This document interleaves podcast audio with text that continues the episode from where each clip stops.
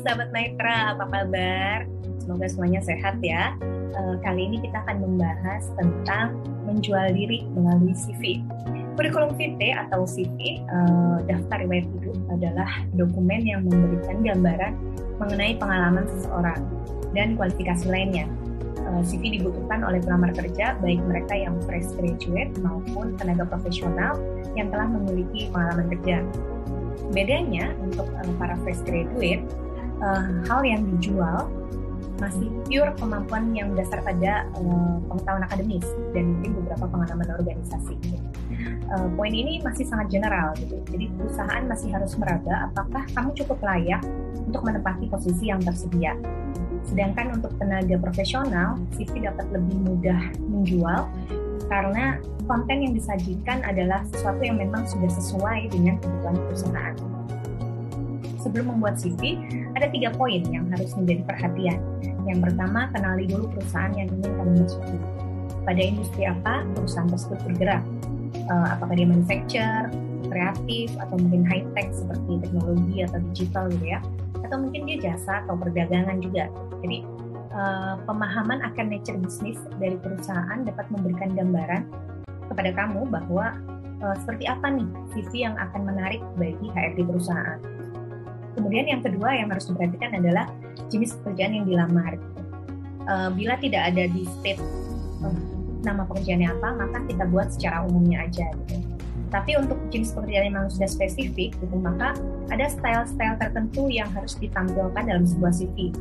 Sebagai contoh, ketika kamu melamar di industri manufacture, uh, manufacture terkesan dengan kaku gitu ya karena dia mesin gitu. tetapi uh, jenis pekerjaan yang kamu daftar adalah desain. Desain dari suatu produk. Maka CV yang kamu buat harus bisa menampilkan keunggulan kamu di bidang tersebut. Yang ketiga yang harus menjadi perhatian adalah uh, skala bisnis perusahaan. Korelasinya adalah uh, ketika perusahaan itu adalah skalanya besar yang kemungkinan peminatnya banyak gitu maka kamu harus menyiapkan CV yang bisa jadi dia diperiksa oleh mesin gitu atau aplikan tracking system ATS. Nah, uh, untuk uh, eh, CV yang diperiksa oleh mesin oleh ATS ini nanti kita akan bahas lebih lanjut. Namun sekarang kita akan beranjak ke bagaimana pada saat membuat CV.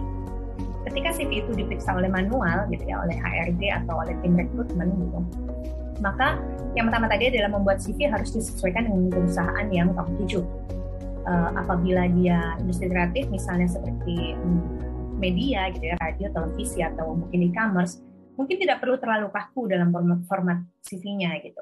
Tapi ketika kamu melamar ke eh, BUMN atau mungkin CPNS gitu ya eh, CV boleh kreatif namun tidak perlu yang terlalu banyak warna atau kolom gitu ya. Akan lebih tepat jika kamu membuat CV-nya itu sederhana namun tetap uh, modern dan formal gitu. Jadi dia cukup menarik ya.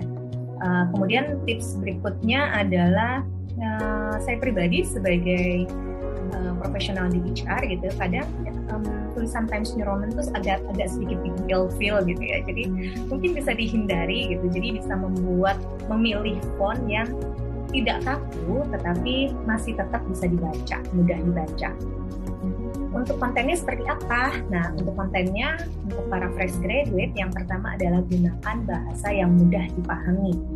Uh, jadi uh, daftar riwayat hidup diusahakan sederhana ya. Jadi dia uh, simply to the point gitu. Jadi tidak perlu terlalu banyak mengumbar cerita-cerita personal gitu ya. Jadi dan gunakan bahasa yang mudah dipahami. Kemudian uh, buat agar tetap relevan. Gitu. Jadi di situ kita bisa menyampaikan pengalaman kerja apabila sudah ada. Apabila belum ada, mungkin bisa menyampaikan kegiatan organisasi, mungkin ya, atau magang, part-time job gitu, atau mungkin terlibat di event gitu. Maka hal ini bisa kamu sampaikan. Intinya adalah peran kamu apa pada kegiatan tersebut dan pencapaiannya apa, pencapaian kamu di kegiatan tersebut seperti apa. Kemudian yang ketiga adalah uh, promosikan dirimu. Saat membuat CV, gitu, kamu uh, hendaknya mencantumkan prestasimu bisa prestasi um, akademis gitu ya. Kalau lagi kuliah waktu kuliah semasa sekolah apa aja akademis misalnya pernah ngikutin lomba nasional atau apa gitu. Itu bisa kamu sampaikan. Kemudian uh, promosi yang lain adalah tentang skill. Bisa hard skill maupun soft skill. Hard skill uh, atau misalnya skill-skill tambahan yang saat ini banyak diminati. Misalnya ternyata kamu punya skill designer nih gitu. Atau kamu pernah mengikuti sertifikat uh, analitik big, data. Nah maka itu bisa disampaikan. Itu part of promosi diri.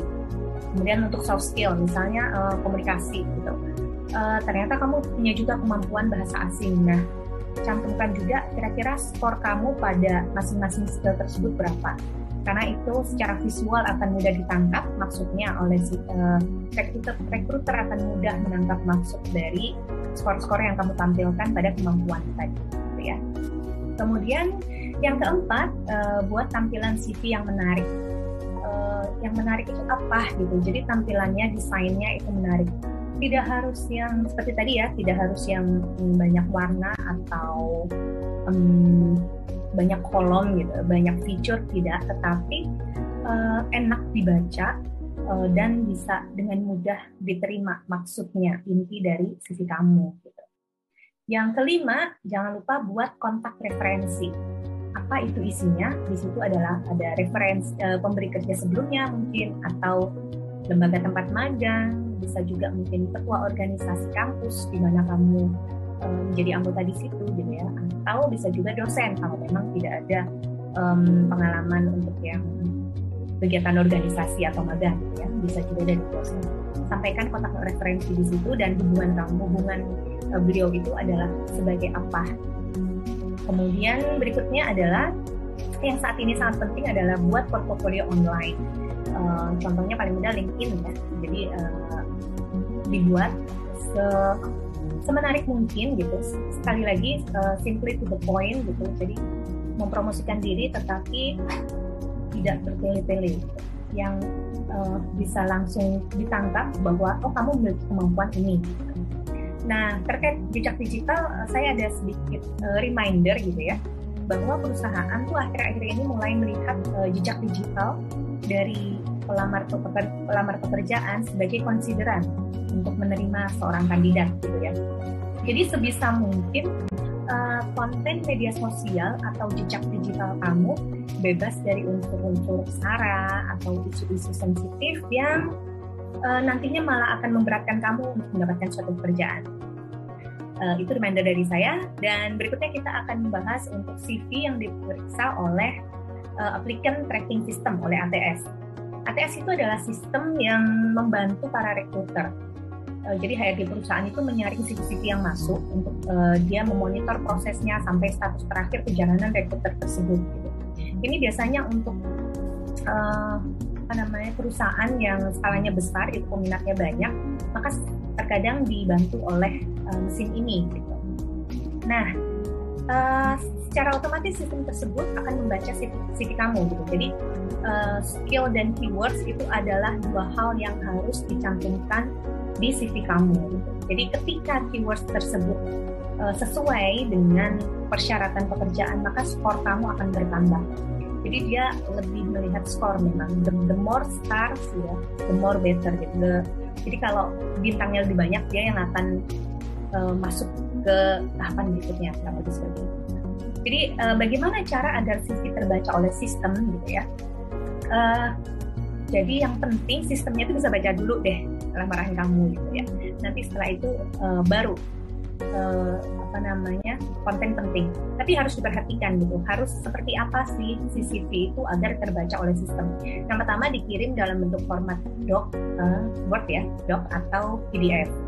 Kemudian gunakan font standar nggak uh, usah pakai font yang aneh-aneh gitu uh, yang baru-baru nggak perlu gitu pakai font yang standar seperti mungkin Arial, Calibri gitu ya, Verdana atau Garamond gitu ya.